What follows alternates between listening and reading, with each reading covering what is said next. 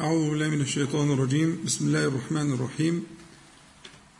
إن الحمد لله نحمده ونستعينه ونستغفره ونعوذ بالله من شرور أنفسنا ومن سيئات أعمالنا. من يهديه الله فلا مضل له ومن يضلل فلا هادي له. وأشهد أن لا إله إلا الله وحده لا شريك له. وأشهد أن محمدا عبده ورسوله. اللهم صل على محمد وعلى آل محمد كما صليت على إبراهيم وعلى آل إبراهيم في العالمين إنك حميد مجيد. اللهم بارك على محمد وعلى آل محمد كما باركت على إبراهيم وعلى آل إبراهيم في العالمين إنك حميد مجيد. أما بعد فهذا هو المجلس الثاني في جبر الكسر في إصلاح الفجر. جبر الكسر في إصلاح الفجر بدأنا الحديث في المجلس السابق عن خطر مسألة الفجر وأنها يمكن لك أن تعدها من المؤشرات من مؤشرات الإيمان كما جاءت النصوص وأشرنا إليها ونذكرها بالتفصيل إن شاء الله نصا نصا في أن هذه الصلاة هي من مؤشرات الإيمان الدقيقة للغاية. يعني كلما كان المؤشر دقيقا كلما كان نافعا ومعينا على على إدراك الحال ومعرفة ربما المآل. هذا في في في الأجهزة وفي في المعدات. كلما كان المؤشر دقيقا. المؤشر الذي معنا هو مؤشر في غاية الدقة في غاية الدقة وذكرنا ذلك لتعلقه بالإيمان تعلقا مباشرا بالنص بالإيمان والكفر أو الإيمان والنفاق. تأثر مباشر وعلاقة مباشرة. فوجدنا أن النبي صلى الله عليه وسلم علمنا أن نقول بين السجدتين واجبرني وأنك تكرر ذلك في اليوم عشرات المرات. والشيء الذي تجده في الشريعة جاء بهذه الطريقة يعني أن تكرره مرات ومرات. لا بد أن تفتش تبحث تنكب عما فيه من الأسرار. يعني الفاتحة كنز الكنوز ولذلك لا تصح الصلاة بغير الفاتحة للقدر عليه. فكلما وجدت الشرع يفرض عليك ويوجب عليك شيئا تكرره في اليوم والليلة عشرات المرات فاعلم أن فيه نجاتك. فاعلم أن فيه نجاتك.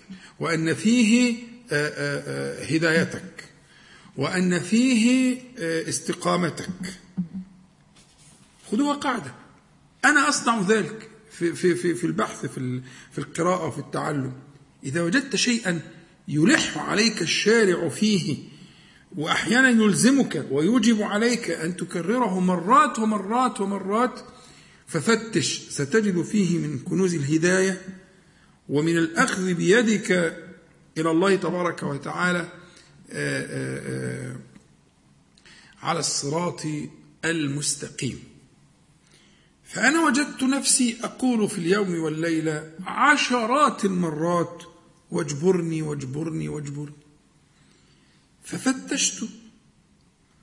لا يجبر إلا المكسور. لا يجبر إلا المكسور.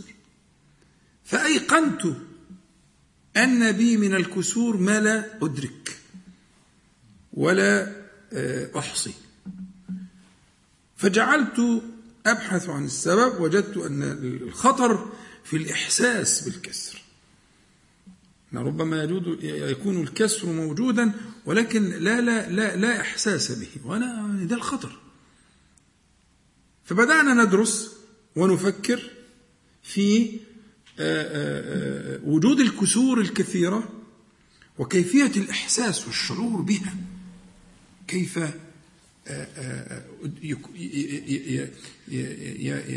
ينعم الله تعالى علي بقلب سليم يشعر بتلك الكسور. لأن إحنا قلنا القاعدة على قدر حياة قلبك على قدر شعورك بتلك الآلام والكسور. وقلنا البيت الشعر المشهور وما لجرح بميت إيلام. المسألة فيه تناسب تناسب طردي بين صحة القلب وسلامته وبين الإحساس والشعور بالإيه؟ بالألم. فقد الشعور بالألم ذكرناه هو من أخطر ما يكون على العبد. فاستحضار ذلك وجمع القلب عليه لتبدأ طريقا في أن يكون هناك إحساس بكل أنواع الكسور. وذكرنا أمثلة. من شاء أن يرجع إليها فليرجع. أمثلة كثيرة أمثلة لا, لا تنحصر. يعني فوق ما ذكرنا مثلا أين كسرك في ولدك مثلا؟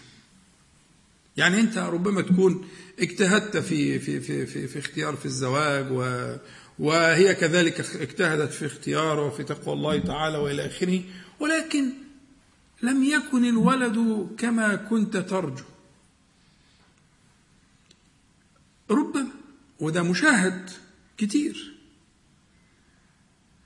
فهنا هو كسر. كسر لك لتذهب إلى مولاه سبحانه وتعالى. إن الله تبارك وتعالى يستعتبك ويدعوك للوقوف ببابه. وأن تعلم أن قلب الولد وقلب الوالد وقلب الوالدة القلوب جميعا في قبضته سبحانه وتعالى يصرفها كيف يشاء. اذا فحينما يأتيك كسر من ذلك هذا تنبيه إحساسك ورجوعك إلى الملك جل جلاله هو المتصرف في تلك القلوب فتعلم أنه استدعاء. ما تراه في ولدك يعني هو استدعاء استدعاء من الملك لك لتقف في الموقف الذي يريد منك. وهكذا. كلما وجدت شيئا من ذلك وقفت بباب الله تبارك وتعالى تسأله جبر كسورك. وربما يكون ذلك على المستوى الجماعي يعني تجد أمة أو جماعة من الناس يدفعها الله تبارك وتعالى دفعا إلى بابه. فاكرين لما اتكلمنا في مسألة ألم العافية؟ والله إني لا أرى ما يحصل في أمة المسلمين الآن في بلاد المسلمين كلها إنما هو من آلام العافية. الأمة دي يراد بها الخير لأن هي أمة الخير إلى يوم القيامة. مفيش مفيش شك في كده بالنص القطعي في القرآن والسنة. إن ما ترونه الآن إنما هو سوق سوق. طبعا أنا ما بتكلم على الأمة ما بتكلمش على أفراد الأمة كلهم لا أنا بتكلم على اللي هم خلاصة الأمة. ولتكن منكم أمة يدعون إلى الخير ويأمرون بالمعروف. منكم هنا من تبعيضية.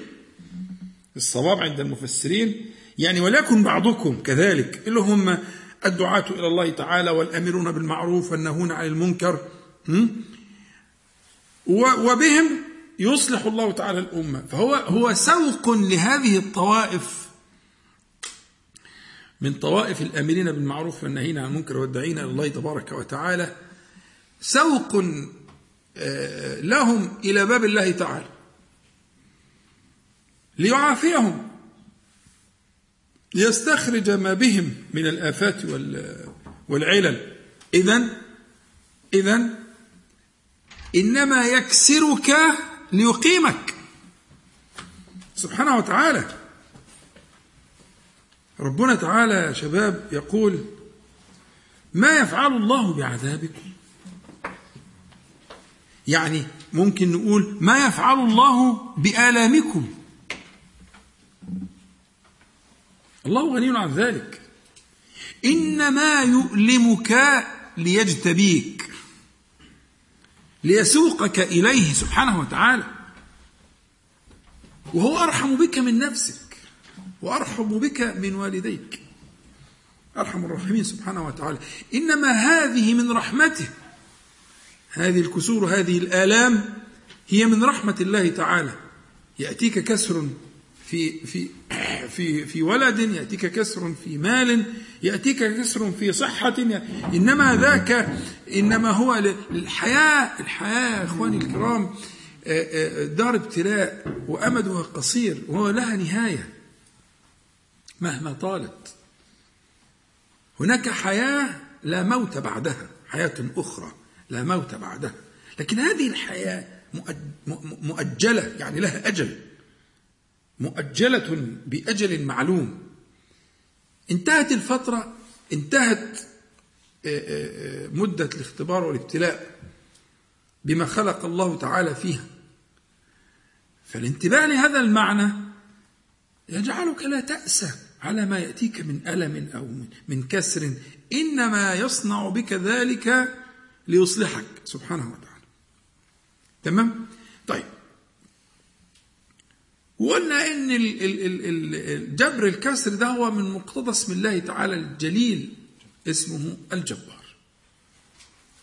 زي ما قلنا الغفار والغفور وزي ما قلنا الستير وزي ما كل اسم من أسماء الله تعالى له مقتضى له مقتضى. فمقتضى هذا الاسم أنه يجبر كسور المكسورين الواقفين ببابه. سبحانه وتعالى. بعد ذلك انتقلنا إلى بيان الوسيلة في آه، آه، جبر الكسر. لأن سألنا سؤال سابق عن كده وقلنا كيف يجبر ربنا سبحانه وتعالى كسر المكسورين فأجبتموني قلت إيه؟ قال الشيخ مصطفى قال بلا كيف. بلا كيف. وقلنا أن آه، شرحنا ذلك شأنه تعالى كله بلا كيف. يهدي بلا كيف يعطي بلا كيف ينجي بلا كيف سبحانه وتعالى. لا يسأل عن كيف. تمام؟ يبقى إذن القاعدة عندي هنا إيه؟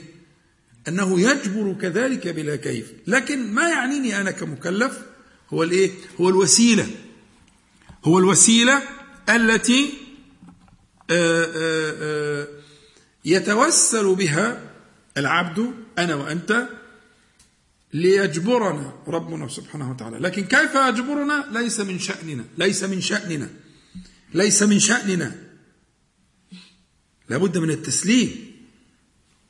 يعني أنت في الحياة الدنيا لو ذهبت إلى طبيب طبيب حاذق ولا ماهر ولا رجل يعني سمعته هنا وهناك ففعل ما فعل فأنت بين يديه يقلبك هنا وهناك ويمنعك من كذا ويأمرك بكذا وتأكل كذا وتشرب كذا وتأخذ كذا بمعدل كذا وأنت التسليم المطلق لك ولولدك ولأهلك ولأعز الناس إليك ليه؟ لماذا؟ هذا التسليم مبني على إيه؟ مبني على ثقتك مش كده ولا إيه؟ على ثقتك فيه ولله المثل الأعلى. فهذا هو المطلوب في قضية كيف يجبرني كيف يجبر كسري في آه، آه، ولدي كيف يجبر كسري في كذا وكذا كما ذكر كيف يجبر؟ لا سلم. لكن ما يشغلني ويشغلك الآن هو كيف أتوسل إليه سبحانه وتعالى ليجبرني. وقلنا إن التوسل إليه سبحانه وتعالى في هذا الباب نقسم الكلام فيه على قسمين. القسم الأول ما يتعلق بالحقيقة والقسم الثاني ما يتعلق بالشريعة. وقلنا أن كلمة الحقيقة عشان ما تبقاش تقيلة أو ما تبقاش يعني لا, لا, لا, لا تحمل على غير محملها الحقيقة تعني العقيدة. لو شلت الحقيقة وحطيت العقيدة أصبت. شلت العقيدة وحطيت الإيمان والإحسان أصبت. شلت الإيمان والإحسان والحقيقة والعقيدة وحطيت عمل القلب والباطن أصبت. كلها مترادفات. فمش عايزك إيه؟ تستوحش. إياك أن تستوحش من هذه الكلمة. هي مقصودها كده. معناها كده. معناها وده اصطلاح. وقلنا مرارا لا مشاحة في الاصطلاح. إيش مشكلة في الاصطلاح؟ هم اصطلحوا على اللفظ ده. نسميه العقيدة. ماشي.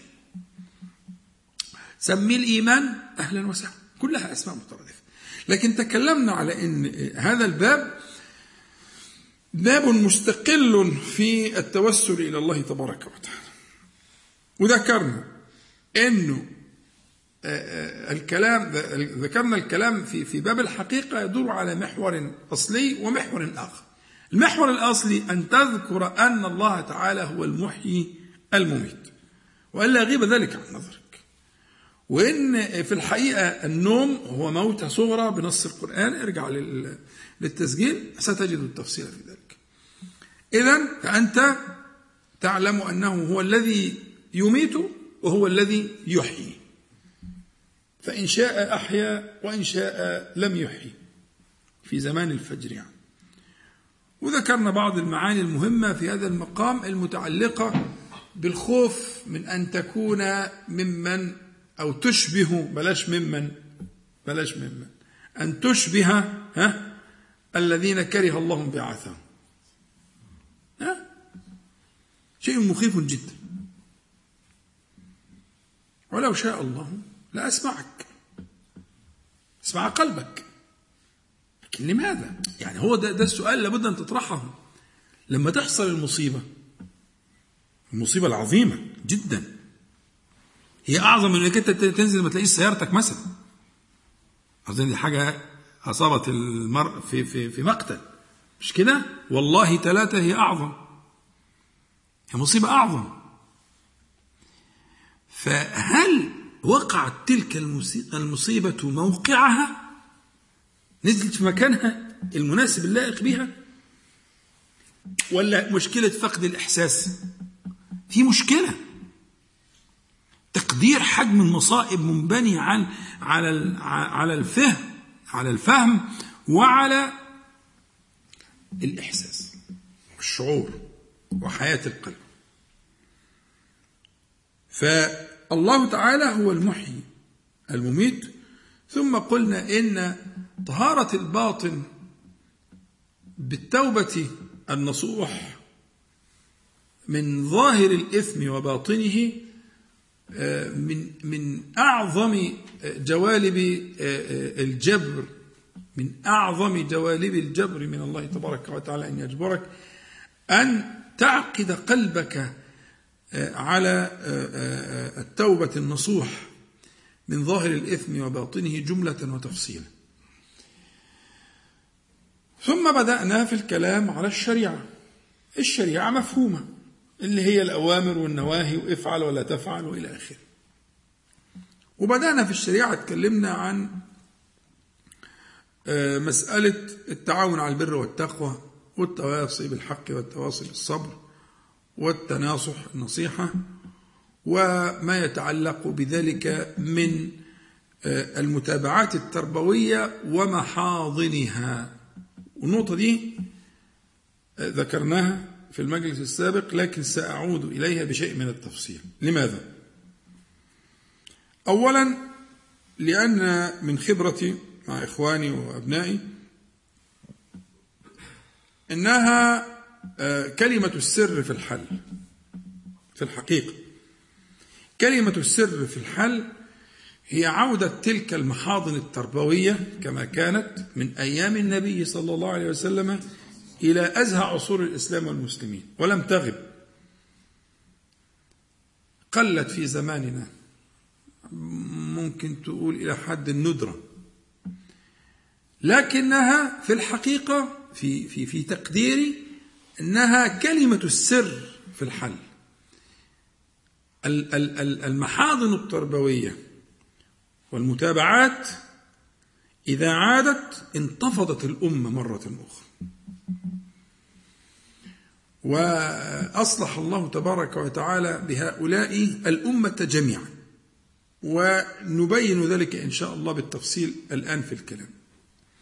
بداية المسألة اللي هي فكرة المتابعات التربوية والمحاضن كما كنا ندعو في هذا المجلس المبارك لا بد من وجود ذلك للأخذ بيد الناس لسد الهوة والفجوة تذكرون؟ بين المعارف والسلوك. بين المعارف والسلوك.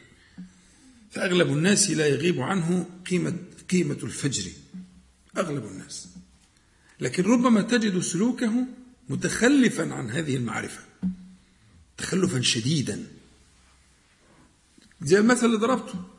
هل إذا ضاع في لا قدر الله الفجر في يوم يكون المرء كمن ضاع منه مثلا سيارته بيته. لو لو المشاعر يعني صحيحة والإحساس صحيح هيبقى أكتر. ربما يبكي. ربما يأتي على نفسه يقول أنا عملت إيه؟ لازم أفتش. العقوبة دي ليه؟ ده أكيد في جناية.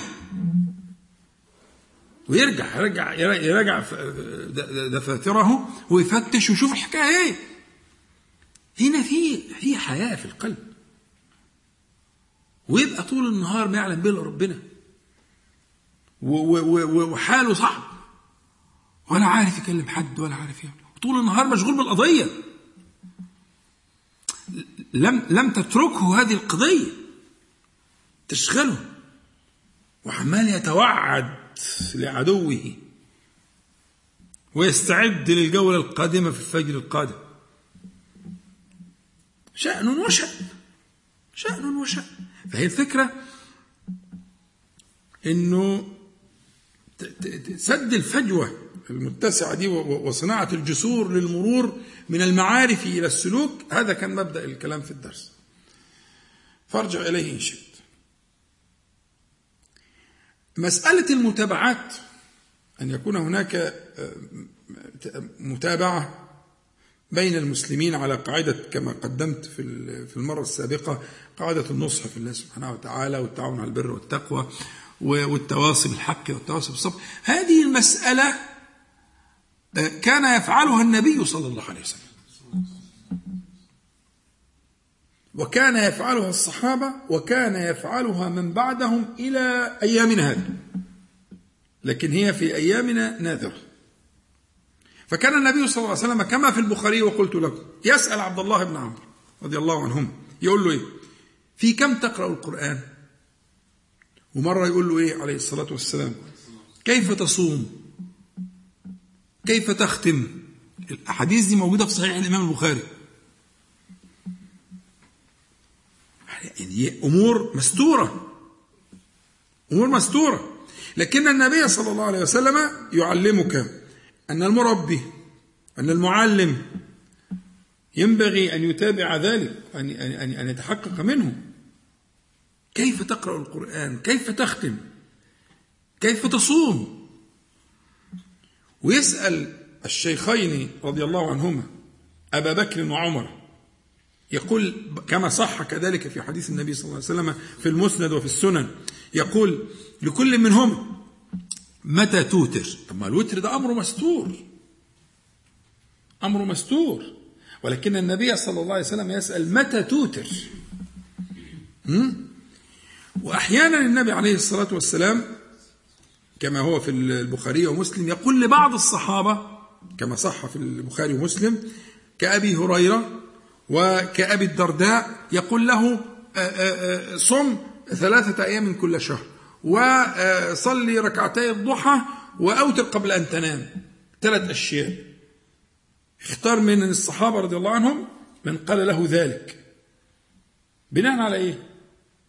مع أنها أمور كذلك من نفس الجنس. لكن كانت المبادرة هنا من النبي عليه الصلاة والسلام أن يسأل أو أن يأمر بعضهم بشيء محدد لأن ذلك يصلح آه، آه، أبا هريرة ويصلح أبا الدرداء. وأحيانا كانت تيجي المسألة بشكل أن تكون المبادرة من الصحابة. تكون المبادرة من الصحابة. زي مثلا إن الحديث المشهور بتاع حنظلة. الأسدي. حنظلة ده كان من كتاب النبي عليه الصلاة والسلام. فحنظلة في قصة يعني لعلكم تعلمون الحديث في صحيح مسلم. يقول آه، آه، لما ذهب لأبي بكر ثم ذهب للنبي صلى الله عليه وسلم يقول له نافق حنظلة نافق حنظلة فيسأله النبي صلى الله عليه وسلم وما ذاك؟ فيحكي له إلى آخر القصة فيبين له النبي صلى الله عليه وسلم أنهم لا يستطيعون أن يكونوا على ما يكونون عليه في صحبته المشرفة. وإلا صفحتهم الملائكة في الطرقات. يقول ولكن يا حنظلة ساعة وساعة. وفي رواية في مسلم ثلاث مرات ساعة وساعة. ساعة هذا هذا الرفق بكم. لكن هو المبادرة جت من حنظلة وجت قبل كده بين الصحابة وبعضهم لأنه أول ما بدأ قال الكلام ده لأبي بكر فوجد أبو بكر نفسه كما هو يقول. فذهب جميعا كأنهما يشتكيان. النبي عليه الصلاة والسلام في قول حنظلة نافق حنظلة. يبقى إذا قد تأتي المبادرة من ال من ال من ال من ال من الصحابي للنبي عليه الصلاة والسلام. الحديث المشهور بتاع أبي بن كعب الصحيح أنه كان يسمع النبي صلى الله عليه وسلم يوقظ أهله جاءت الراجفة تتبعها الرادفة. إلى آخر الحديث المشهور اللي شرحناه كتير فبيقول النبي عليه الصلاة والسلام بيقول له إني أكثر الصلاة عليك. فكم أجعل لك من صلاتي؟ إذن هو هنا بي بي بيكشف عن شيء مستور للنبي صلى الله عليه وسلم ويسأله كيف يكون ذلك.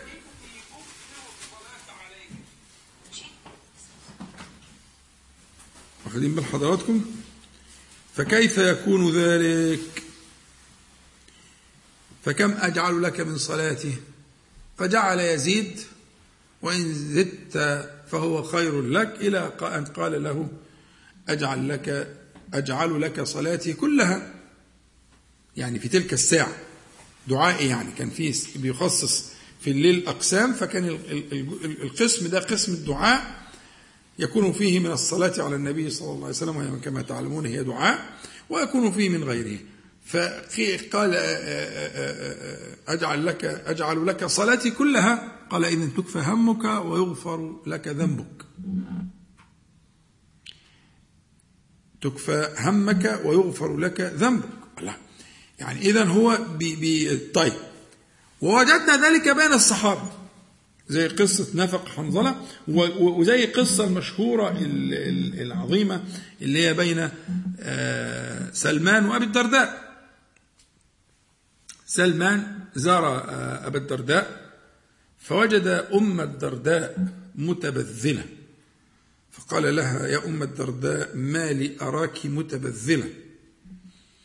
فقالت له أخوك أبو الدرداء هو النبي عليه الصلاة والسلام كان آخى بين سلمان وأبي الدرداء في بداية الهجرة كان المؤاخاة المشهورة فكانت المؤاخاة بين بين سلمان وأبي الدرداء. فقالت له أخوك أبو الدرداء ليس له حاجة في الدنيا. قصة المشهورة فلما جه وضع له الطعام قال له كل قال له صائم قال له كل فكل. يقوم يناموا قام يصلي قال له نام فنام. تاني مرة نام فنام. في الثالثة هو اللي صحاه. في الثلث الأخير وقال له الآن فقم فصليا جميعا. وحكى ذلك للنبي عليه الصلاة والسلام. فكان النبي صلى الله عليه وسلم أن قال صدق سلمان لما قال له إن لبدنك عليك حقا وإن لأهلك عليك حقا وإن إلى آخره. تمام؟ حديث في البخاري. إذا فكان بيحصل هم اتعلموا كده من حضرة النبي عليه الصلاة والسلام فكان بيحصل فيما بينهم. كان بيحصل فيما بينهم هذا الايه هذا التناصح وهذا ال ال ال ال ال السؤال عن الأمور دي عشان أنا برضو عقدة عقدة عقدة الإيه الرياء وشبهة الرياء هذه عقدة من فعل الشيطان. أعوذ بالله من الشيطان الرجيم. ليقعدك. أن لا أقول لك أكتب ذلك على صفحات التواصل الاجتماعي. لا ما أقولش كده. لكن اختر من شئت. من المربي من المعلم من الأخ الفاضل. وكذا هكذا يصنعون فيما بينهم مع النبي صلى الله عليه وسلم وفيما بينهم. وظل الأمر كذلك في الأمة إلى عهد إلى أيامنا ولكن قليل. أو قل نادر. هذه المسألة لابد من التكرار فيها والتأكيد عليها. وجود هذه المحاضن التربوية مع وجود البعد المكاني فيها وسأبينه إن شاء الله مهم جدا في إصلاح الأمة. وأسأل الله تعالى يكون المجلس ده منها. الغرض منه كده. الغرض منه كده. مش ثقافة. ليس الغرض من هذا المجلس الثقافة ولا ده ما شاء الله الحاجات دي متوفرة. الغرض منه أن يتغير سلوكك. فإن لم تجد ذلك فاشتكي. يبقى أنت ما حصلتش الثمرة من المجلس ده. حصلت. الغرض من الثمر ده أن سلوكك يتغير. أن شهودك في الصلاة يتغير. ف بهذه المحاضن التربوية التي انتشرت في الأمة أقام الله تعالى الأمة. يعني مثلا مثلا في قصة احتلال الصليبيين للأرض المقدسة وبيت المقدس. في هذه القصة قعدوا حوالي 200 سنة قرنين من الزمان. ربنا سبحانه وتعالى أعد في الأمة أجيالا بنفس الطريقة بنفس المحاضن التربوية التي خرجت هذا الجيل. وفي كتاب بتاع ماجد عرسان الكيلاني اسمه هكذا ظهر جيل صلاح الدين وهكذا عادت القدس. بيقول إيه؟ بيقول بدراسة يعني قيمة جدا. بيقول إنه بمثل الغزالي وبمثل عبد اللي هو أبو حامد الغزالي يعني المتوفى 505 وبمثل عبد القادر الجيلاني اللي هو متوفى 561 بمثلهما أعاد الله تبارك وتعالى الأرض المقدسة. وأخرج الكفار من بلاد المسلمين. وبيضرب بطريقة مفصلة عن الربط والزوايا والخانقات اللي هي هي دي المحاضر. لا أسماء أسماءها كانت كده. منها خرج هؤلاء الذين أقاموا للأمة عزها ومجدها وأعادوا لها شرفها فبمثل أبو حامد الغزالي وبمثل عبد القادر الجيلاني وما صنعوه عبد القادر الجيلاني هو كان كان كان أستاذ وشيخ وكان له اتصال مباشر بصلاح الدين. ومؤثر تأثير بالغ. وكان أبو حامد الغزالي كان كأنه البذرة الأولى التي تبعه بعد ذلك الجيلاني. ده متوفى 505 وده متوفى 561 أمر مقطوع به. في كتاب جميل جدا أرجو ألا يخلو بيت منه اسمه الوابل الصيب بتاع ابن القيم. الكتاب ده عبارة عن نصين. النص الأولاني بيتكلم عن فوائد الذكر وقيمة الذكر وإلى آخره والنص الثاني بيتكلم فيه الأذكار اللي هي تقول إيه في الصباح والمساء والطعام وإلى آخره والصلاة وكده. فكتاب قيم جدا جدا ولا تمل من النظر فيه. ابن القيم بيحكي حكاية في الكتاب ده جميلة جدا. هي معانا في اللي إحنا فيه ده. بيقول إيه؟ تقريبا يعني بالحروف دي. أنه كان يصلي الفجر مع ابن تيمية. يقول ويظل ابن تيمية يعني مستقبلا القبلة يذكر الله تعالى حتى ينتصف النهار. ينتصف النهار يعني إيه؟ يعني شوف الوقت كده ما بين الشروق وما بين الظهر واقسمه بالنص. مظبوط؟ يعني النهارده الشروق مثلا ست ساعات من 6 ل ها؟ ل 12 يعني بتتكلم في ست ساعات يبقى ثلاث ساعات. يعني لغاية 9 كده. خلاص؟ ابن تيمية قاعد مستقبل القبلة. اذكر الله تعالى. حتى ينتصف النهار. يعني نقول في حسابنا إحنا في يومنا اليومين دول في الشتاء كده لغاية 9 قاعد يذكر ربنا. فلما رأى متابعته ابن القيم قاعد بقى ما بيشوف الحكاية عايز يتعلم. من شيخه يقول فالتفت إلي مرة لما رأى حرص ابن القيم فالتفت إلي مرة وقال لي هذه غدوتي فإن لم اتغدى خارت قواي. فهنا يعني عمل من الأعمال الجليلة. بس هنا جه البيان. والحقيقة يعني نعم التلميذ يعني. لأنه هو ابن القيم فعلا بلغ مبلغا يعني مبلغا عظيما جدا في هذا المقام بعد شيخه رحمهم الله. فيقول له هذه غدوتي. فإن لم أتغدى خارت قواي.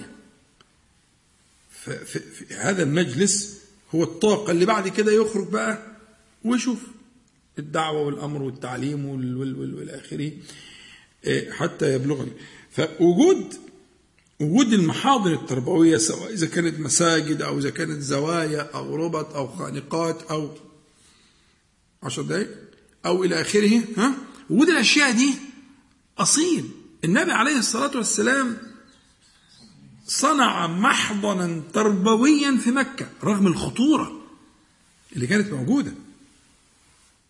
بيت الأرقم كان بعد الصفا والأرقم كان شاب صغير. بس كان أغلب الظن إن ما يسرش الانتباه.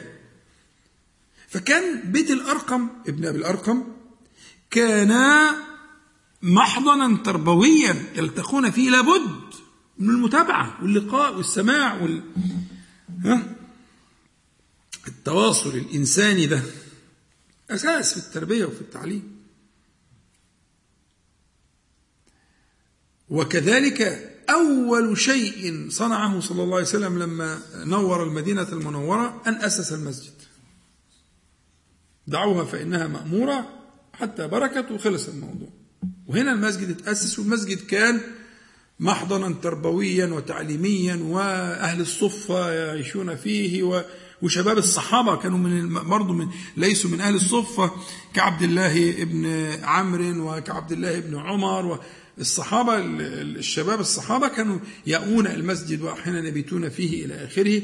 فكان هذا المحضن التربوي الذي يتابع فيه النبي صلى الله عليه وسلم هذه الأمور أرجو أن نكون يعني قد بينا المسألة وأزلنا شبهة الرياء لأن أنا رأيي من بخبرتي أنها شبهة شيطانية لا علاقة لها بالحقيقة. آه، طالما أحسنت الاختيار في أخ أو في شيخ أو في معلم أو في كده إلزم. الزمه ويبقى فيه هذا التناصح وهذا ال ال ال ال تلك المتابعة وهذا السؤال. لأن ذلك من من سمات هذه الأمة ومن أسباب النجاة وهو مقتضى التعاون على البر والتقوى والتواصي بالحق والتواصي بالصبر والتناصح. يبقى كلمة واحدة إنه إذا قال الله تعالى وتعاونوا على البر والتقوى كما في سورة المائدة أو يقول ربنا سبحانه وتعالى وتواصوا بالحق وتواصوا بالصبر سورة العصر ها؟ أو يقول النبي عليه الصلاة والسلام الدين النصيحة ها؟ ده بيسموه الجماعة الفقهاء بيقولوا يقول ده اسمه مجمل. يعني إيه مجمل؟ يعني زيه زي وأقيموا الصلاة. اللي هو تسأل بعديها كيف. القرآن فيه وأقيموا الصلاة. لكن ما فيش كيف تقيم الصلاة. مظبوط؟ في القرآن فيه وأتموا الحج والعمرة. بس مش موجود في القرآن كيف تتم الحج والعمرة والترتيب والأركان والكلام اللي زي كده. فبيقولوا الأوامر دي أوامر مجملة. أوامر مجملة. تنتظر البيان. البيان اللي هو كيف أؤدي أو أمتثل كيف أمتثل للأمر. فيجي هنا البيان. فالأوامر اللي إحنا بنقولها اللي هي الأمر بالتعاون على البر والتقوى الأمر بالتواصي الأمر بالنصيحة دي أوامر مجملة. يأتي بيانها من واقع ومن حال المسلمين ومن تفاصيل أخرى في آه، أحاديث أخرى. فما أقوله لك هو بيان للتعاون على البر والتقوى بيان للتواصي بالحق والتواصي بالصبر بيان للنصيحة. هذه دي الحقيقة. هذه الأمور إنما بانت من خلال ذلك. فأرجو قبل أن ندع هذه النقطة هيبقى في فصل آه. قبل أن ندع هذه النقطة لو في حد في نفسه أي شبهة أي سؤال اطرحه. لأن المسألة دي في رأيي ستكون عقبة في أي سبيل من سبل الإصلاح نسلكه. إنه يقول لك يعني برضه ما مش عارف إيه. وإيه دخلها أنت تحتاج إلى تعلم السباحة. مهما قرأت ومهما تعلمت في كتب السباحة هتغرق. والله العظيم هتغرق. أنا بحلف بالله. لو لو معاك دكتوراه في السباحة دكتوراه دكتوراه في السباحة. وما نزلتش المية؟ ورميناك. يا عم غرقان. اسمع الكلام. ده انت معاك دكتوراه. لكن لازم حد ينزل معاك المية ويمسك بإيدك. وبعد كده يا عم هتبقى أحسن سباح وهتسبق الكل. بس محال يا ابني محال. الفجوة بين المعارف والسلوك يا إخواني الكرام. دعوة الحال أعظم بكتير من دعوة المقال بكتير جدا وأعظم اثرا في القلب. في ناس منظرها كده شكلها هيئتها بس يزود إيمانك. بس كده هو لا اتكلم ولا عمل. هو هيئته في ذكر الله سبحانه وتعالى أو في السكينة اللي عليه أو في الهوينة التي هو شكله كده يزود إيمانك يدفعك للعمل الصالح. فالباب ده عايزين نقفله نغلقه على هذا اللعين. لا يا عمي ده هيشوش عليك ده هيعمل هيسوي. ابدا ابدا. هذه سنة الأولين. وزي ما أنت شفت بدأنا من النبي عليه الصلاة والسلام لغاية لما وصلنا لغاية صلاح الدين واللي بعده والايامنا اللي إحنا عايشين فيها. في ناس هم قلة بس موجودين الحمد لله. هذه المحاضن التربوية والمتابعات وجداول المحاسبة وال هيجي الكلام ده كله إن شاء الله أقوله بالتفصيل يعني إن شاء الله. فكرة المشارطة وإلى آخره إن شاء الله نقولها مفهوم؟ فقبل أن نترك هذه النقطة في حد عنده أي حاجة؟ كده استقرينا في المسألة؟ مفيش تردد؟ طيب. ربنا سبحانه وتعالى ينفعنا وإياكم بما قلنا وما سمعنا. إن شاء الله في فصل طيب في فصل قصير ونعود إن شاء الله. قصير جدا نعود إن شاء الله. سبحانك اللهم ربنا وبحمدك أشهد أن لا إله إلا أنت أستغفرك وأتوب إليك.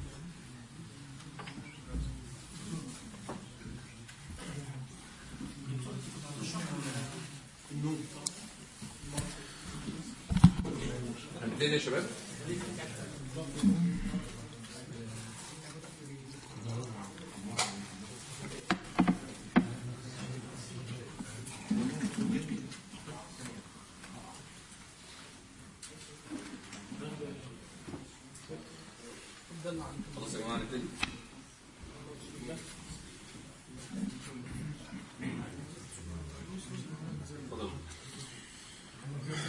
أعوذ بالله من الشيطان الرجيم. بسم الله الرحمن الرحيم. الحمد لله رب العالمين. اللهم صل على محمد وأنزله المقعد المقرب منك يوم القيامة. أما بعد أول خطوة في الشريعة كانت المحاضن التربوية والمتابعة فيها. فمثلا لو في ده موجود هتبقى في عندك مشكلة في الفجر هتلاقي من يناجيك وتناجيه. ويسأل عنك وتسأل عنه ويبحث معك في الأسباب ويتناصح في فيما في العوائق التي تعوقك أن تفوز بهذا الفوز. الأمر الثاني من الوسائل الشرعية. نتكلم في الوسائل الشرعية التي يتوسل بها إلى الله تعالى لجبر هذا الكسر العظيم. فمن الوسيلة الثانية التي نتحدث عنها إن شاء الله تعالى هي حفظ القلب والجوارح في اليقظة هو سبيل الحفظ في المنام. حفظ القلب والجوارح في اليقظة هو سبيل الحفظ في المنام. اتفقنا إن النائم إيه؟ ميت. حتى في الطب بس أنا يعني إن شاء الله كما وعدتكم يعني لما هنتكلم في موضوع النوم هشرحه لكم من الناحيه الطبية ومراحل الفيزز في النوم ده مهم جدا عشان نفهم القضية. حتى في الطب يثبت ذلك اثباتا قطعيا. النائم أشبه شيء بالميت إلا إن في بعض الخلافات. بمراحل النوم في مرحلة كل ال ال ال ال الأشياء ب- بال- العضلات بيحصل فيها استرخاء كامل إلى آخره. فإحنا اتفقنا إن ال- إن النائم ميت. وهذا شرحناه. اتفقنا عليه. يبقى أنا عايز ال- ال- الحفظ هنا موكول كله إلى الله تعالى. ما فيش لك فعل. ليس لك فعل في الحفظ. ليس لك توسل في الحفظ. يبقى القاعدة الشرعية أن حفظ الجوارح وحفظ القلب في اليقظة مردوده مباشر مباشر في المنام. والقاعدة محفوظة. النبي عليه الصلاة والسلام لما علم ابن عباس في الوصية المشهورة العظيمة قال له احفظ الله يحفظك. واضحة زي الشمس. طبعا الحفظ غير الحفظ. إن يحفظ الله ده فعل العبد. يحفظك فعل الايه؟ الرب سبحانه وتعالى. لكن هنا في مشاكلة لفظية. فيحفظ أنت يعني احفظ شرع الله. احفظ أسماء الله وصفات الله سبحانه وتعالى. دي معنى احفظ الله. مش الذات. لا حاشاه. فالله خير حافظا. لا يحفظه أحد من خلقه. لكن احفظ هنا في مضاف محذوف. احفظ الله يعني احفظ شرع الله. احفظ أوامر الله احفظ مناهي الله. ده المعنى. ماشي؟ احفظ الله يحفظك؟ جواب طلب. زي الشرط كده. إن حفظته حفظك. إن حفظته بالمعنى اللي شرحناه. حفظت أمره نهيه هم؟ أسماءه وصفاته سبحانه وتعالى. حفظتها ها؟ حفظك. طب حفظه هو بقى في إيه؟ فيما لا تملك. ومنها اللي إحنا فيه ده الشأن ده. يعني إن كان يحفظك في شأنك كله فحفظه لك في نومك أشد وأعظم حيث تذهب كل القوى وتكون أشبه شيء بالميت.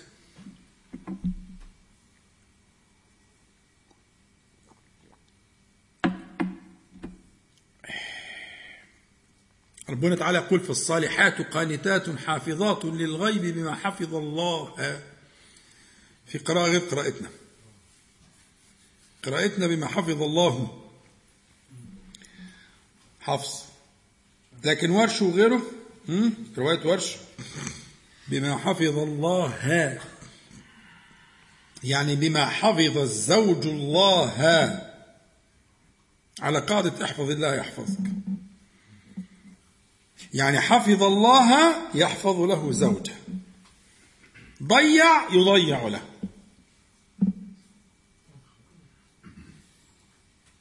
إيه مش عاجبكم الكلام ولا إيه؟ مش عاجبكم الكلام؟ ولا أنتوا بس عايزين تتجبروا على المساكين؟ والله هم مساكين.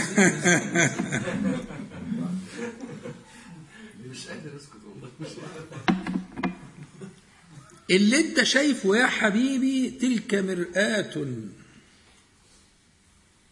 لما تبص في المراية تلاقي منظر وحش مش عاجبك. هتعمل إيه؟ هتكسرها؟ هتتخانق معاه؟ يا عم دي صورتك.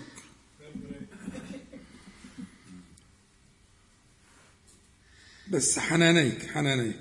الكلام إذا كان تقيل حنانيك. هي دي الحقيقة؟ بالنص. القرآن السنة. السنة. بس خلي بالك كل قاعدة ولها استثناء. ما تخليش الاستثناء قاعدة. تيجي تقول لي ما أصل وفصل والحاجة ماشي صح بس دي استثناءات.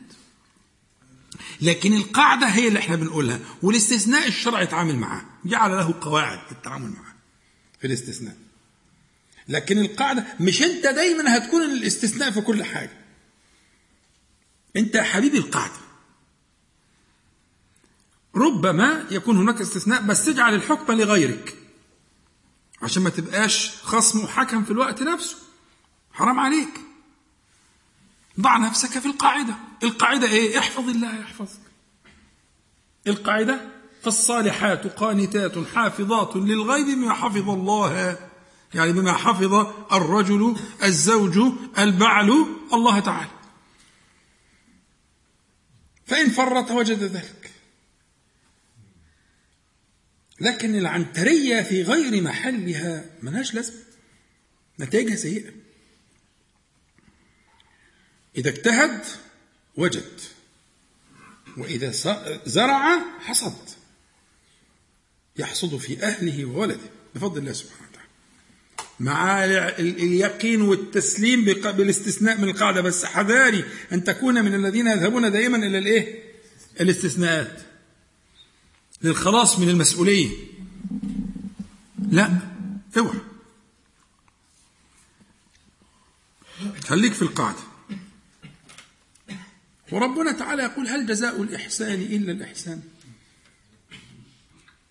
محال. محال أن تكون من المحسنين فيسيء إليك. محال.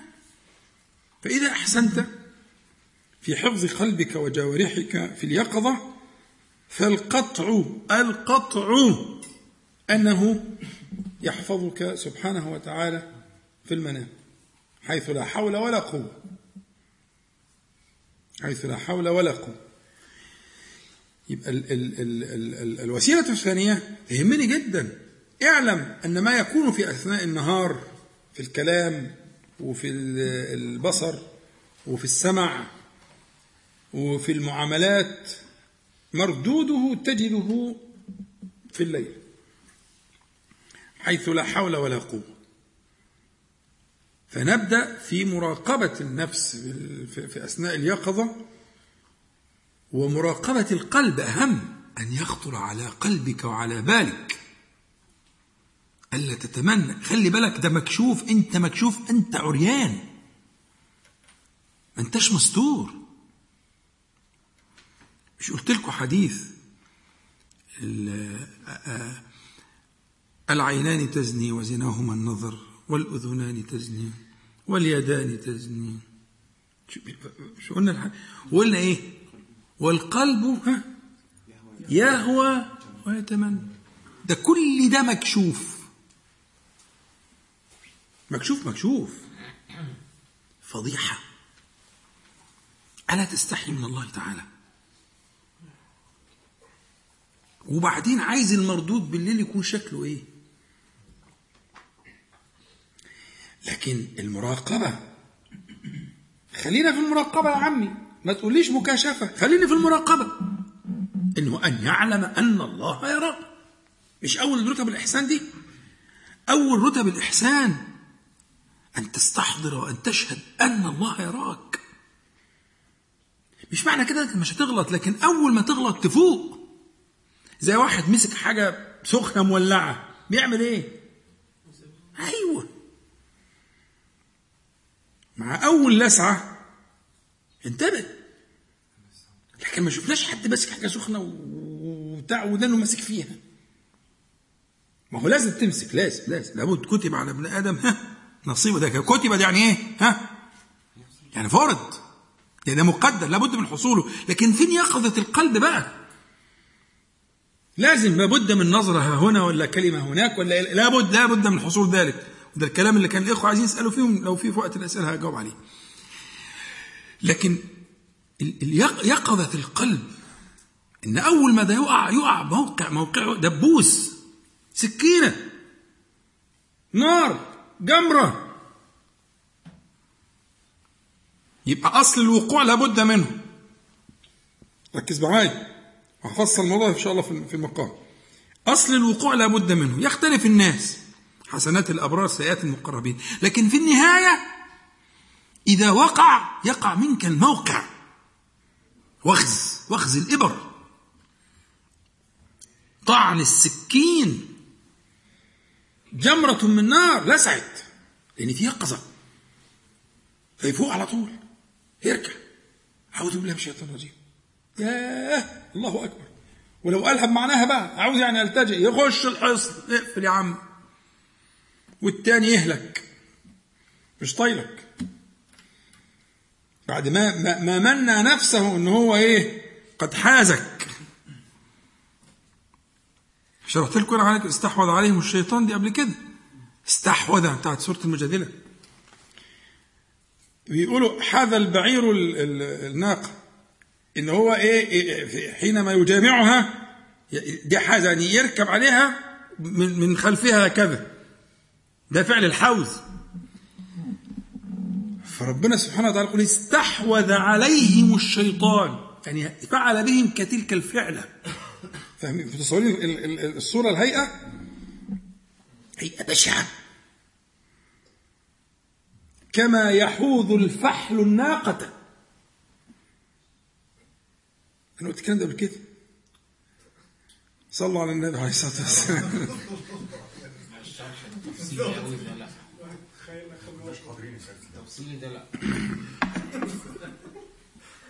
أنا عايزك تشمئز. عايزك تشمئز. شوف ربنا سبحانه وتعالى بيوصف وصفه عامل إزاي.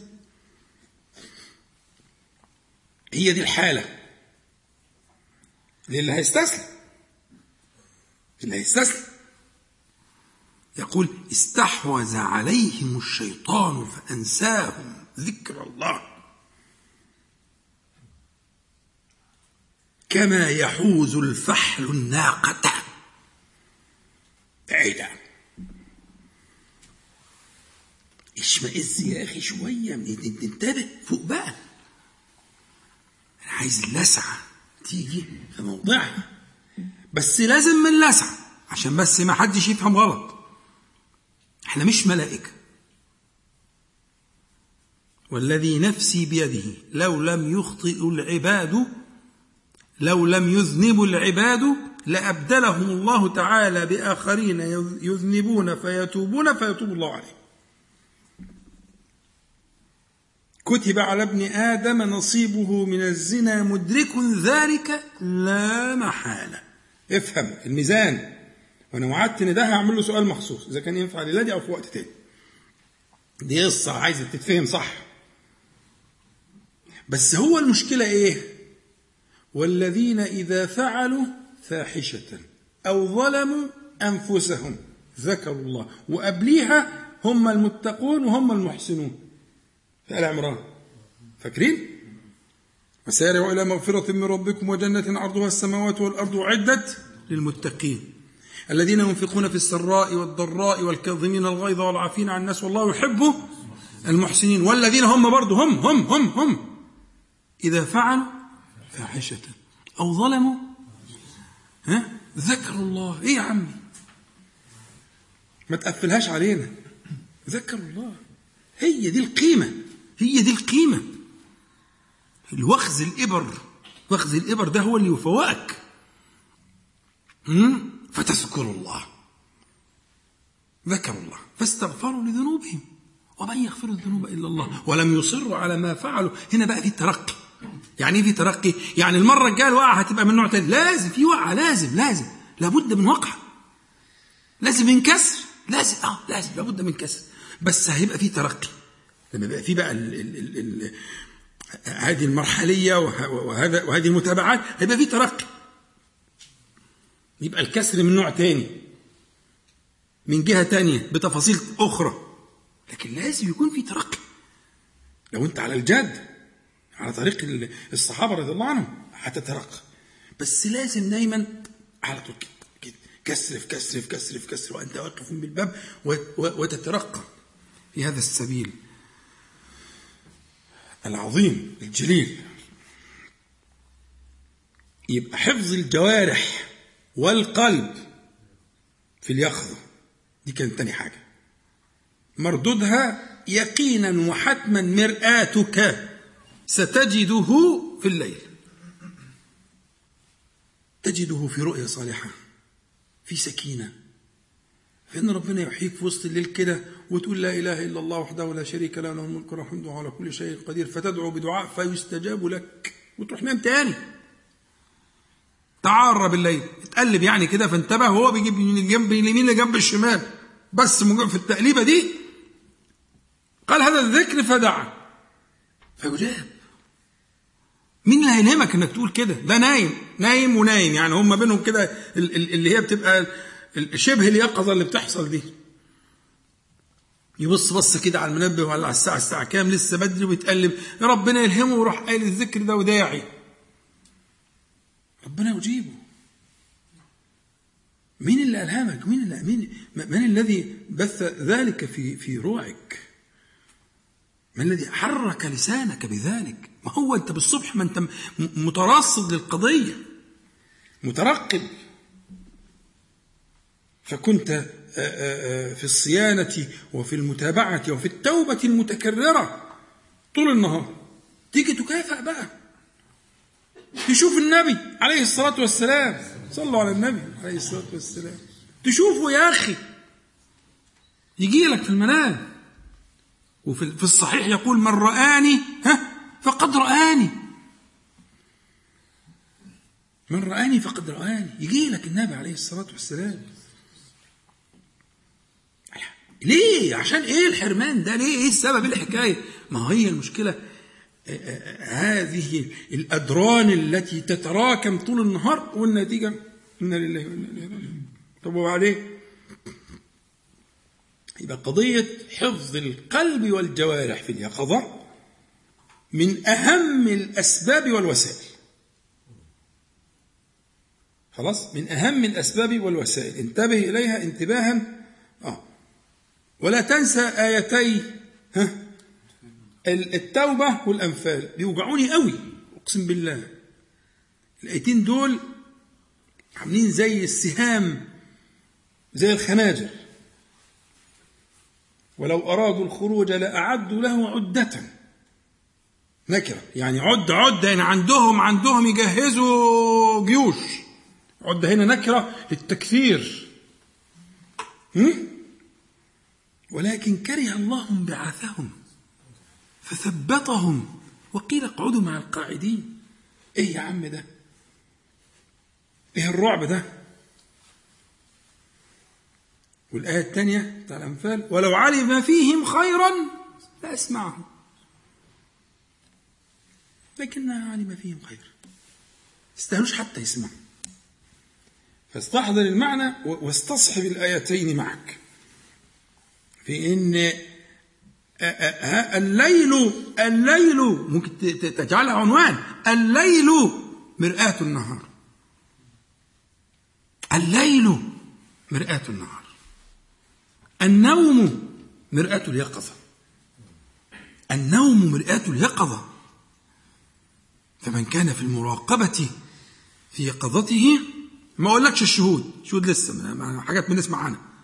نحكيها نقرأها في الكتب. لكن من كان في المراقبة اللي هي أول مراتب الإحسان من كان في المراقبة في اليقظة رأى ذلك في المنام اتفقنا؟ صلوا على النبي صلى الله عليه وسلم. عشر طيب هو هنختار حاجة تناسب المتبقي من الوقت اللي هو آه الوسيلة الثالثة الوسيلة الثالثة هتحتاج شرح مطول شوية بس هختصرها في مناسب الوقت وبعدين نبقى نبدأ بيها المرة الجاية إن شاء الله. الوسيلة الثالثة هي تدور على حول آيتين في سورة الحشر. آيتين في سورة الإيه؟ الحشر. ربنا تبارك وتعالى يقول يا أيها الذين آمنوا اتقوا الله ولتنظر نفس ما قدمت لغد. واتقوا الله إن الله خبير بما تعملون. ولا تكونوا كالذين نسوا الله فأنساهم أنفسهم. وأولئك أولئك هم الفاسقون. أولئك هم الفاسقون. حلو. تعال نشوف بقى معنى الآيتين. يا أيها الذين آمنوا النداء بهذه الصفة يعني الإشارة إلى أن ما يأتي بعد النداء مترتب على الصفة. لأن مثلا يا أيها الناس. غير يا أيها الذين آمنوا. خلاص حلو. فالنداء هنا مترتب يعني له تعلق مباشر وله صلة وثيقة بالإيمان. أول حاجة اتقوا الله. وقلنا التقوى أصلها من الوقاية. التقوى من الوقاية. يعني اجعلوا بينكم وبين مغاضب الله تعالى وقاية سترا. ده معنى التقوى الله. اجعلوا بينكم وبين مغاضب الله تعالى سترا ووقاية ساترا. اتقوا الله و. هنا الواو هنا بمعنى عطف على التقوى. يعني اجعل بينك وبين مغاضب الله سترا واصنع ذلك لمقتضى التقوى. يعني من مقتضيات التقوى ما سيأتي بعدها. في تعلق في عطف. العطف أصلا كلمة عطف يعني إيه؟ ميل. العطف هو ميل. عطف يعني مال. فأدوات العطف بتعمل إيه؟ بتجمع بتجمع أشياء لمشتركات بينها. مظبوط؟ أما أقول دخل عمرو وزيد. أنا جبت الواو بين عمرو وزيد ليه؟ عشان إيه؟ اشتركوا في الإيه؟ الله يفتح عليكم. فدايما العطف هو جمع بين أشياء بين معطوفات لاشتراكها. صح؟ حلو قوي يبقى اتقوا الله و ولتنظر. يبقى هنا في مشترك بين التقوى والنظر. في استكمال للمطلوب لأسباب النجاة التي ستأتي. يبقى من كمال نجاتكم مع تقواكم أن تجعلوا بينكم وبين مغاضب الله تعالى سترا ها؟ أن تنظروا. ولن يتم ذلك إلا أن ها؟ تنظروا. لن تتم لكم النجاة إلا أن تنظروا. طيب.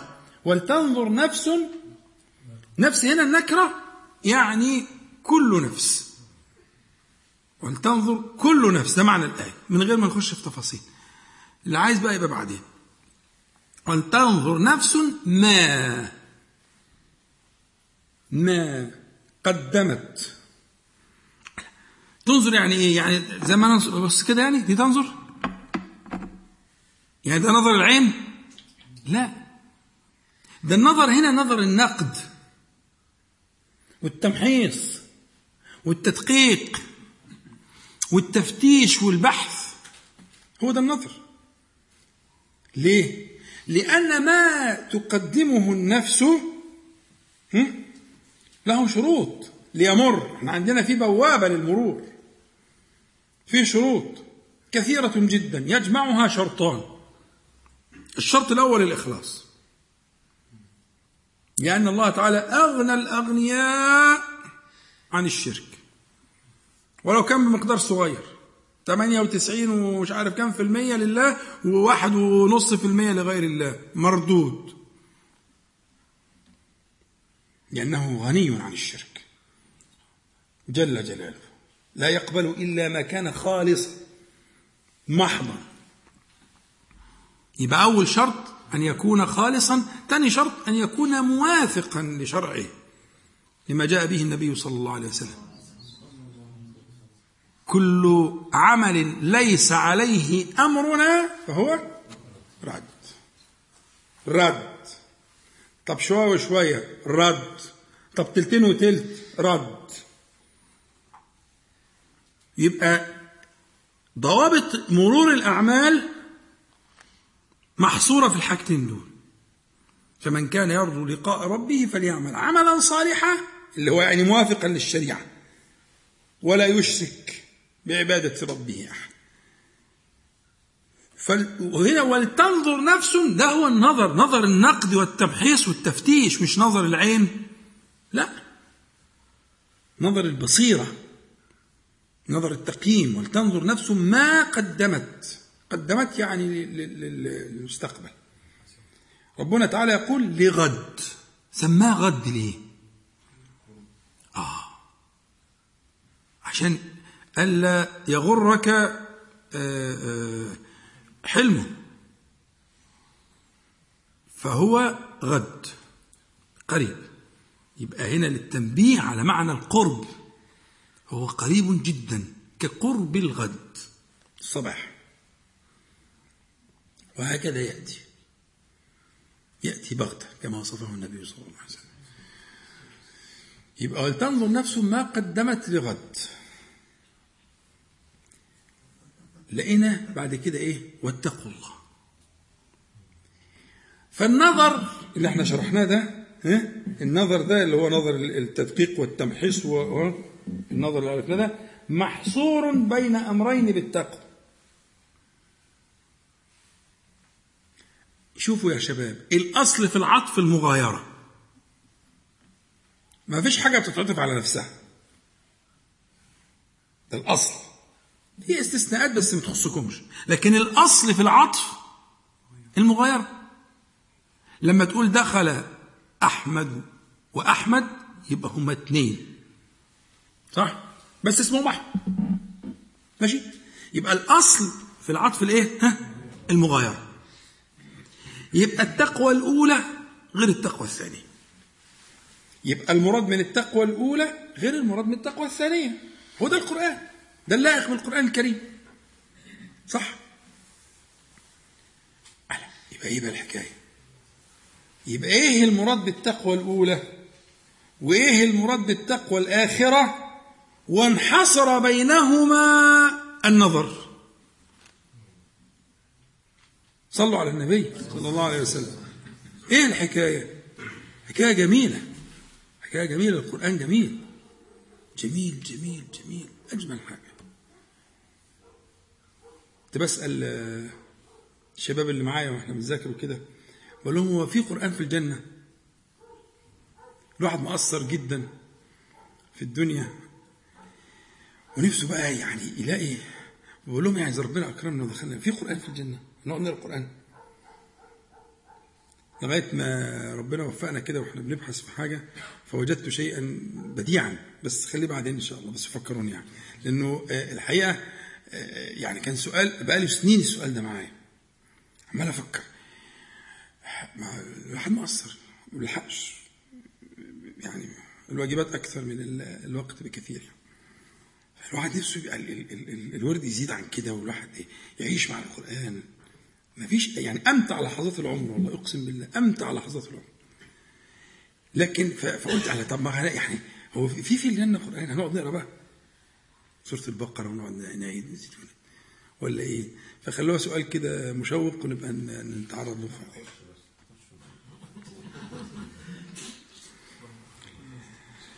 صلوا على النبي صلى الله عليه وسلم. حلو قوي يبقى الأمر بالتقوى الأول والأمر بالتقوى الثاني وانحصر بينهما الأمر بالنظر في الأعمال على النحو الذي قلت لك. فما معنى الأول وما معنى الآخر؟ الأول حامل على النظر يعني اتق الله تقوى تحملك على النظر في عملك. والأمر الآخر الثاني هو أمر في ثمرة النظر. إن بعد النظر في نتيجة. إذا كنت تنظر نظرا شرعيا صحيحا هتخرج بنتائج. من نظرك في عملك. من نظرك ها؟ في عملك. فستخرج بن... هذه النتائج تحتاج إلى نوع آخر من التقوى. اللي هو ثمرة الإيه؟ النظر. واتقوا الله إن الله خبير بما تعملون. وطبعا هنا التذييل في الآية ب- بجملة إن الله بالتوكيد خبير بما تعملون وتقديم صفة الخبير. اسم الله تعالى الخبير. وهي صيغة من صيغ المبالغة لا يخفى عليه شيء. فانتبه. يعني هنا فيها إيه؟ التذييل في تنبيه آه، للإيقاظ. لا يخفى عليه شيء. لا ظاهر ولا باطن. يعلم منك ما لا تعلم أنت من نفسك. اصحى اصحى يا مسكين دي معنى إن الله إيه؟ خبير بما تعمل. حلو؟ انتهى. نعم؟ حاضر. ما لسه ما شرحتش ال أو عامل لي رعب.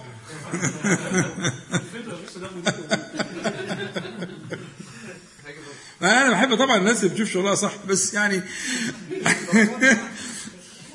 يعني كده كده.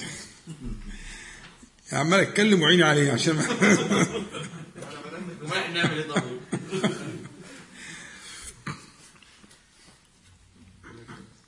آه، هرجع لها تاني إن شاء الله بس نكمل بقية الآية عشان نشوف ناخد إذن من ال آه، ولا تكونوا كالذين نسوا الله فأنساهم أنفسهم ده له تعلق في واو عطف اهي يعني كونوا كذلك ولا تكونوا كذلك.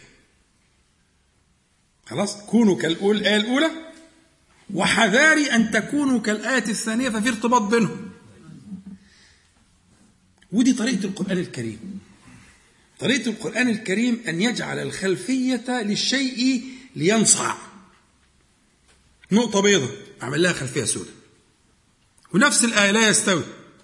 أصحاب النار وأصحاب الجنة. هي طريقة القرآن كده كل القرآن كده. فكرة أنك أنت تعمل خلفية تظهر المقال. خلاص؟ الأبيض مش هيبان إلا لما تعمل له خلفية سوداء والأسود مش هيبان لما تعمل له خلفية ها؟ بيض دي طريقة القرآن. فهي الآية جاية هنا ده تكميل الآية الثانية تكميل للآية الأولى. اللي هي ولا تكونوا دي. تمام؟ بس النسيان هنا بقى حبيبي ها؟ مش هو المرفوع.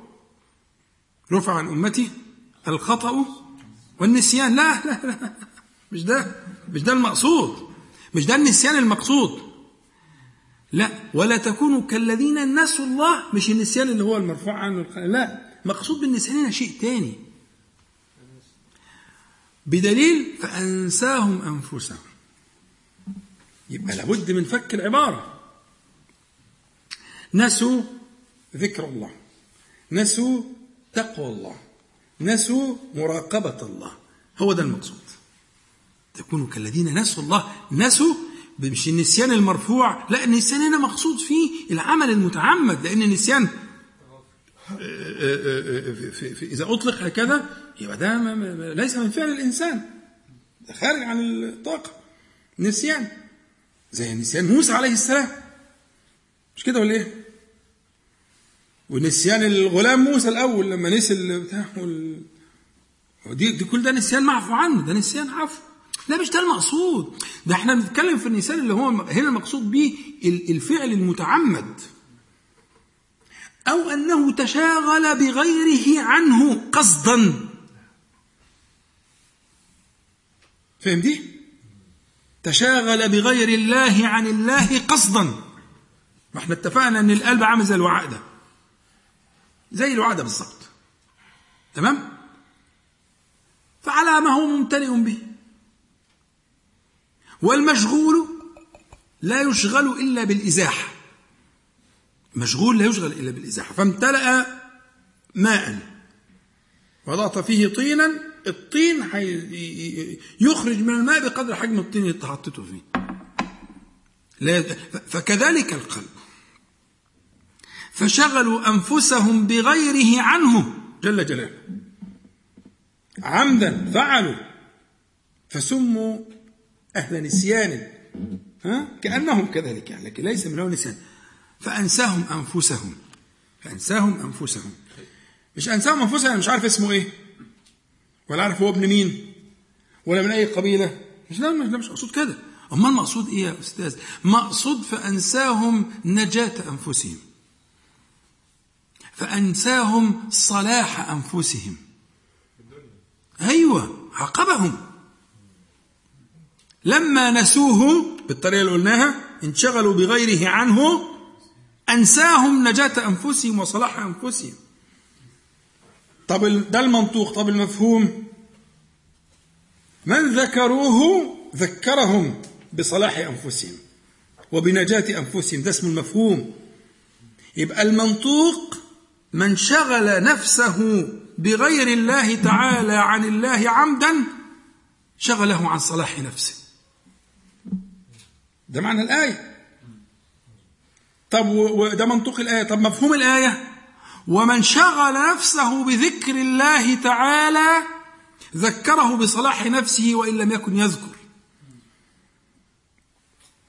حديث الحسن اللي حسنه الحافظ ابن حجر.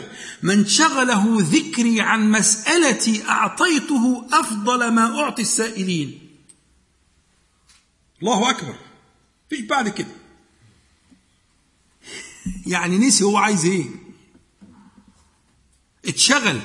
هو كان قاعد ومجهز القايمة في الطلبات والعيال والمصاريف والسكر والقصص دي. تمام؟ وقاعد عمال يرتب وهقول يا رب حلو مشي صح أهو. عرف الطريق مظبوط. وعرف إن طريق كل حاجة هنا. ده موفق مسدد فدخل في الذكر. مثلا بين الأذان والإقامة مثلا. وعارف إن بين الأذان والإقامة ده إيه؟ ها؟ آه لا يرد الدعاء. لا تتربص. صايم وهو بيفطر. وعارف إن الوقت ده ها؟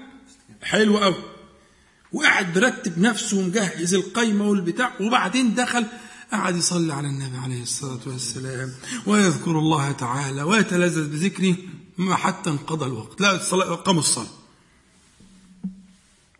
وكان مجهز قايمه وجاهز. يوم النبي عليه الصلاة والسلام يقول له إيه؟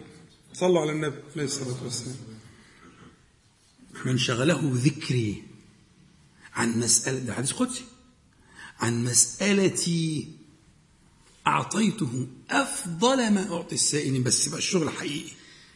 مش متكلف. استغرق. استغرق في ذكر الله تعالى في أسمائه وصفاته.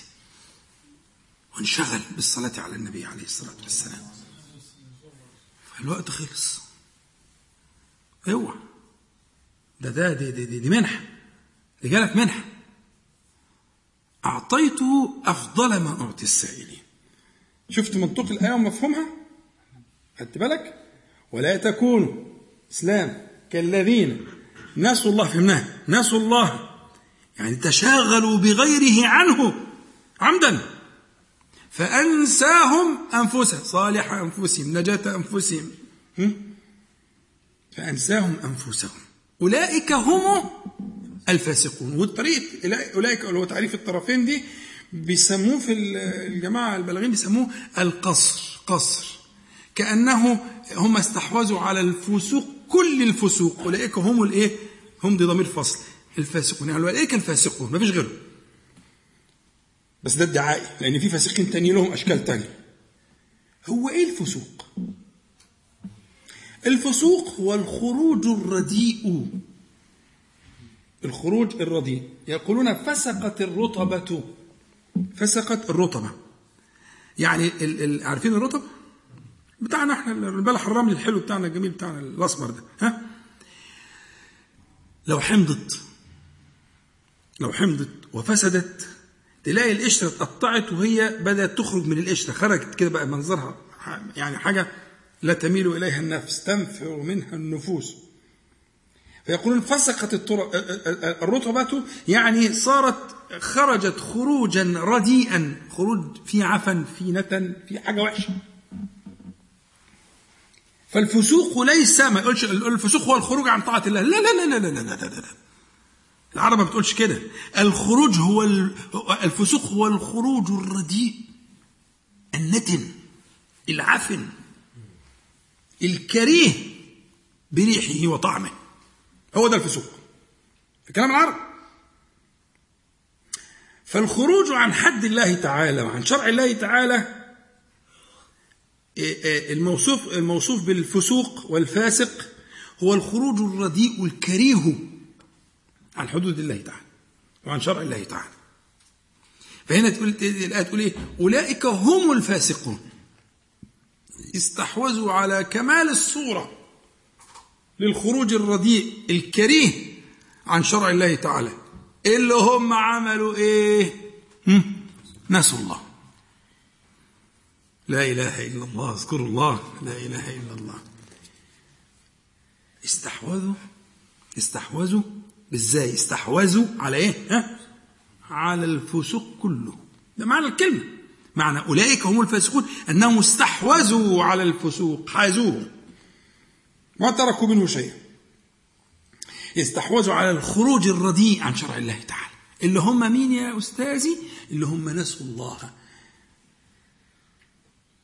كيف شرحناها؟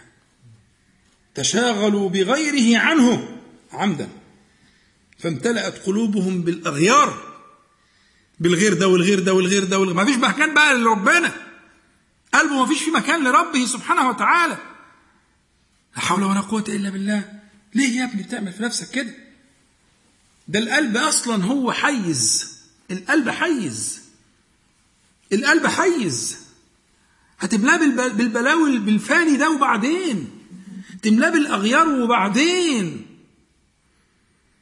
ان هذا البيت خلقه الله تعالى في صدرك ليستنير بنوره. هو ده الغرض من خلقه في في في صدرك. فما بالك أسكنته الأغيار؟ ليه تظلم نفسك كده؟ ما هو أصل هو حيز ما اتفقنا هو حيز محدود. مش هيستحمل. مش هيستحمل هذه الأغيار وتلك الأغيار. وبعدين؟ أين محل ذكر الله تعالى ومحبته والتفكر في أسمائه وصفاته؟ فهي دي المسألة. وعلى وعد إن شاء الله عشان كده أنا جاوزت حدي إن إحنا إن شاء الله نبدأ بالآية وبالمعنى ونبين آه، فكرة آه، آه، آه، كيف يكون ذلك أو تكون يكون ذلك وسيلة إلى جبر الله تعالى لكسورنا اللي هي فكرة اتقوا ولتنظر واتقوا. هو ده الماء اتقوا ولتنظر واتقوا. كيف نحولها إلى وسيلة عملية؟ نتعاون فيها إن شاء الله تعالى البر والتقوى نسأل الله العلي القدير أن ينفعنا جميعا بما قلنا وما سمعنا وأن يجعله حجة لنا لا علينا يا رب العالمين وأن يعيذنا وإياكم وسائر إخواننا من المسلمين والمسلمات من شرور أنفسنا ومن سيئات أعمالنا اللهم صل على محمد النبي وأزواجه أمهات المؤمنين وذريته وآل بيته كما صليت على آل إبراهيم إنك حميد مجيد. المطلوب إيه؟ ما فيش أسئلة ما فيش أي حاجة؟ طيب ممكن ممكن نوقف واللي عايز يتفضل يتفضل وبعدين نسال طيب اللي عايز يتفضل يتفضل. هنفتح باب الأسئلة. اتفضل. خلي الأسئلة. اتفضل اتفضل حبيبي. من غير حرج اللي عايز يتفضل يتفضل من غير حرج خالص. خلينا شغالين. اتفضل. السؤال هو بتاع المرة اللي فاتت اللي هو توبه النصوح هل بعدين ممكن بعد ما الواحد يتوب توبه نصوح يقع في نفس المعصية تاني؟ ولا ولا ده يبقى ولا ده احسنت احسنت شوف هو عندنا الحديث اللي أنا أشرت إليه المرة اللي فاتت إن عبد إن عبدا أذنب ذنبا فعلم أن له ربا يأخذ بالذنب فتاب فتاب الله عليه. ثم عاد فأذنب ذنبا فعلم أن له ربا يأخذ بالذنب فتاب فتاب الله عليه. ثم عاد فأذنب ففي الثالثة أو في الرابعة قال الله عز وجل له اعمل ما شئت فقد غفرت لك. أنا لا أعلم إن الكلمة دي اتقالت غير لأهل بدر. اعملوا ما شئتم مع الفارق طبعا لكن الحاق الحاق بصفوة صفوة صفوة الخلق. وهو عمال إيه؟ يذنب. لكن هو السر مش في ان هو بيذنب. السر في المنحة دي في قوله عليه الصلاة والسلام علم أن له ربا يأخذ بالذنب. اللي هي معنى المراقبة. إن هو مستحضر معنى المراقبة. فحصول الذنب لابد منه. لكن لابد من التحقق كذلك بالتوبة. والتوبة لها أركان. أي خلل في ركن من أركان التوبة يذهب بها. فما مش واحد بيقول مثلا يقول أستغفر الله بقى كده تاب. لا. التوبة لها أركان. فإذا تحقق كل مرة بالتوبة أهلا وسهلا هيخش في الحديث ده دخولا أصيلا. أولها وأخطرها كما قال عليه الصلاة والسلام الندم توبة. الندم. والندم شعور فريد. اللي هو ويوم يعض الظالم على يديه. هو ده الشعور إن الإنسان يتمنى أن تعود الأيام فلا يعود. واللي الإنسان بيتعرض له في حياته ان هو عمل غلطة معينة نسي حاجة حاجة راحت منه يبقى ندمان أشد الندم إنه ما مثلا بعد ما سافر وقطع مسافة طويلة ونسي حاجة مهمة وكان رايح عشان يقدم ملف في حتة معينة ومش عارف إيه وبعدين بعد ما وصل لقى إن مجهوده ده كله وقته راح في الأرض. فيصيبه إحساس بالندم. يتمنى أن تعود يعود الزمان. فلا يعود. فالشرط الأول الندم والندم ده يكون من استبشاع ال- الفعل ومن خطره ومن من الخوف من الجليل سبحانه وتعالى. مجموعة أشياء تجتمع في القلب تحمل تع- تعصر القلب عصرا. الندم عصر. مش عض دي ها؟ عارف العض بيكون ليه؟ مش مهندس عارف العض بيكون ليه؟ آه آه. زي اللي بتولد. بس يعني دلوقتي بيعملوا قيصريه فما عادش لكن الولادة زمان كان فيها الام مبرحه الولادة الطبيعية يعني فيها الام مبرحه فتقوم عض على تخلي الدايه الدايه تقول لها عضي. تديها تمسك إيدها وتعض على ايديها باسنانها فالألم يخف. ليه؟ بتعمل تنافس في الجهاز العصبي بين ألم وألم. فيت- فتتزاحم الآلام على على ال الإحساس ومراكز الإحساس العصبية فيخف الالم يبقى ده ياخد شوية وده ياخد شوية. فالعض العض هو وسيلة إ- إ- إلهية موجودة في الإنسان لتخفيف الالم فانما يعض المرء على يديه لما به من شديد الألم من مبرح الألم. واخدين بالكم؟ فهي عض الظلم عشان كده. ف... ف... فما كانش فيه ألم أصلا تكلف بقى يبقى تعالى نحل المشكلة. ما تقوليش بقى إيه علم أن له ربنا وتعالى بس نتفاهم. في مشكلة أصلا في الإحساس بالمشكلة. في مشكلة أصلا في الإحساس بالألم. إحساسك بالألم ال- ال- ال- ال- المعصية وال- والجريمة والجناية في جناب الله تعالى. لا أنت مش فاهم أو إلى آخره يعني ممكن يكون في أسباب كتير لكن نبدأ اولا بالإيه؟ بقضية الالم لكن لو الواحد بي- بيتجاوز الخطوة دي ما فيش فايدة. لتتصور إنك أنت بتجاوزك للإحساس بالألم والندم أنك ت- تحقق توبة. ابدا بدليل قوله عليه الصلاة والسلام الندم توبة. يعني هو لوحده كده توبه يكفي. مظبوط؟ الحاجة الثانية الإقلاع. بأسبابه. يعني واحد عارف مثلا إن جهاز من الأجهزة ال- الذكية دي هو سبب كفيته. في الحاجة اللي هو متضايق منها دي أو اللي هو بيتوب منها. إزاي يبقى كده وهو قاعد حاطه قصاده ومجهزه وعامله؟ طب فين الإقلاع؟ فين الاقلاع ده مفيش إقلاع ولا حاجة. يبقى ما تحققش بالشرط الثاني الإقلاع. إن فعلا يكون في مفارقة. مفارقة. زي القصة بتاعت الرجل الذي قتل 99 نفسا. هو لما راح للعالم قال له إيه؟ قال له اذهب إلى أرض كذا وكذا فإن فيها أناس أن يعبدون الله فاعبد الله معهم ولا تعد إلى أرضك فإنها أرض سوء. حلو أو هو ده الكلام. يبقى المفارقة اللي هي بتاعت إيه؟ ولا تعد إلى أرضك فإنها أرض سوء. ولا تعد إلى هاتفك فإنه هاتف سوء. ها؟ ما كده؟ إنها هاتف سوء. يهتف بك إلى السوء. بس. يبقى ما تقوليش إقلاع وكده. ماشي؟ صلى الله على النبي عليه الصلاه والسلام الحاجة الثالثه العزم على عدم العودة. يعني متعلق بالزمان المستقبل.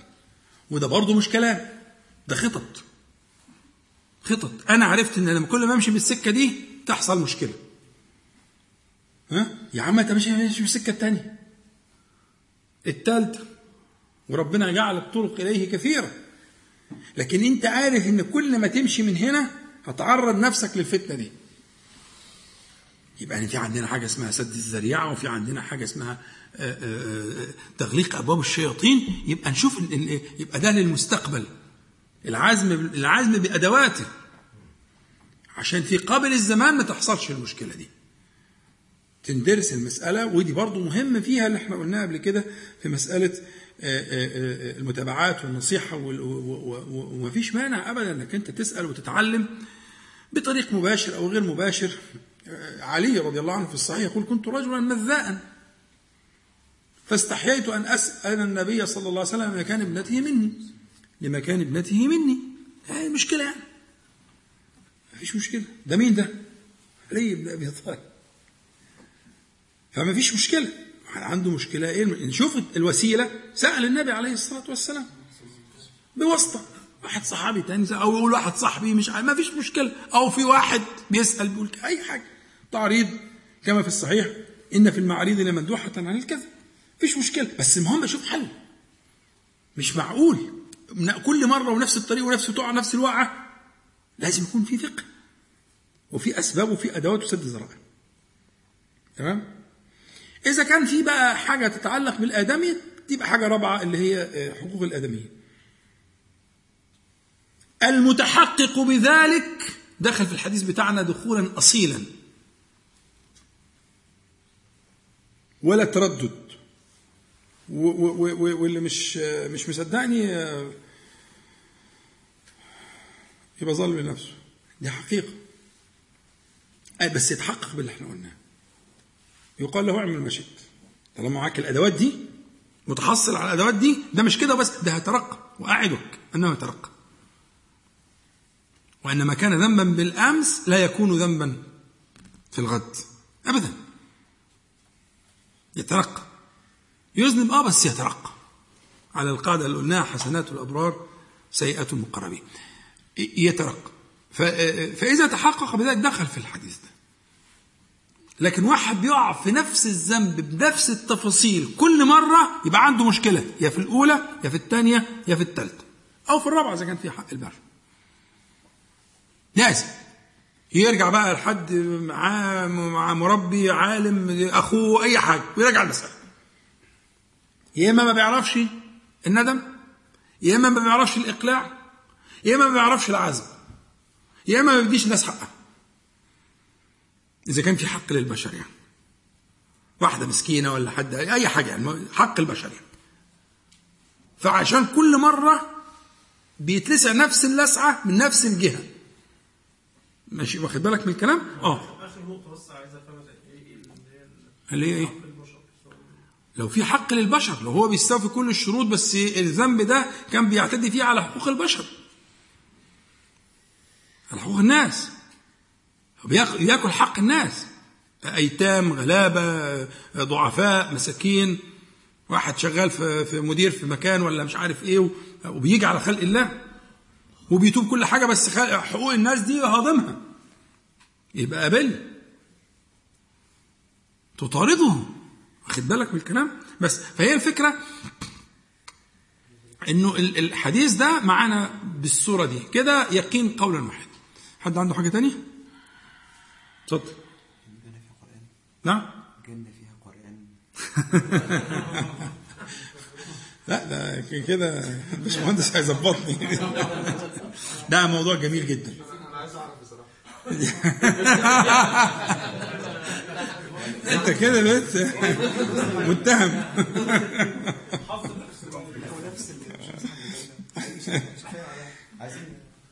بس لا اصل كده ساعة ونص وسبع دقائق كتير.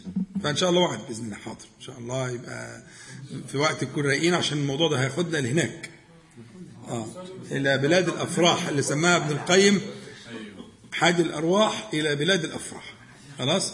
فسنذهب إلى بلاد الأفراح فمش هناخدها كده في عجالة في دقيقتين ثلاثة لا خساره ناخدها في قعدة حلوة كده عشان نذهب لأن في كلام عن حاجات تانية في الجنة. إن شاء الله برضو تشوقنا. فإن شاء الله نبقى خليها آه، يعني إيه آه، بنكون بس في أول القعدة ولا حاجة نبدأ آه، نقولها إن شاء الله وعد يعني بإذن الله. لأنه آه، يعني هذه مسألة تطلبتها زمانا قعدت أبحث فيها زمان طويل آه، لأجد لها إجابة والحمد لله الذي هدانا لما هدانا له سبحانه وتعالى. نسأل الله العلي القدير أن ينفعنا جميعا بما قلنا وسمعنا وأن يجعله حجة لنا لا علينا يا رب العالمين. اللهم صل على محمد النبي وأزواجه وامهات المؤمنين وذريته واهل بيته كما صليت على آل إبراهيم إنك حميد مجيد. اللهم اقسم لنا من خشيتك ما تحول به بيننا وبين معاصيك ومن طاعتك ما تبلغنا به جنتك ومن اليقين ما تهون به علينا مصائب الدنيا. اللهم متعنا بأسماعنا وابصارنا وقوتنا ما أحييتنا واجعله الوارث منا واجعل ثأرنا على من ظلمنا وانصرنا على من عادانا. ولا تجعل مصيبتنا في ديننا ولا تجعل الدنيا أكبر همنا ولا مبلغ علمنا ولا تسلط علينا من لا يرحمنا. اللهم ربنا آتنا في الدنيا حسنة وفي الآخرة حسنة وقنا عذاب النار. اللهم صل على محمد النبي وأزواجه أمهات المؤمنين وذريته وآل بيته. كما صليت على آل إبراهيم إنك حميد مجيد. والحمد لله رب العالمين. نقول جميعا سبحانك اللهم ربنا وبحمدك. أشهد أن لا إله إلا أنت. أستغفرك وأتوب إليك. السلام عليكم ورحمة الله.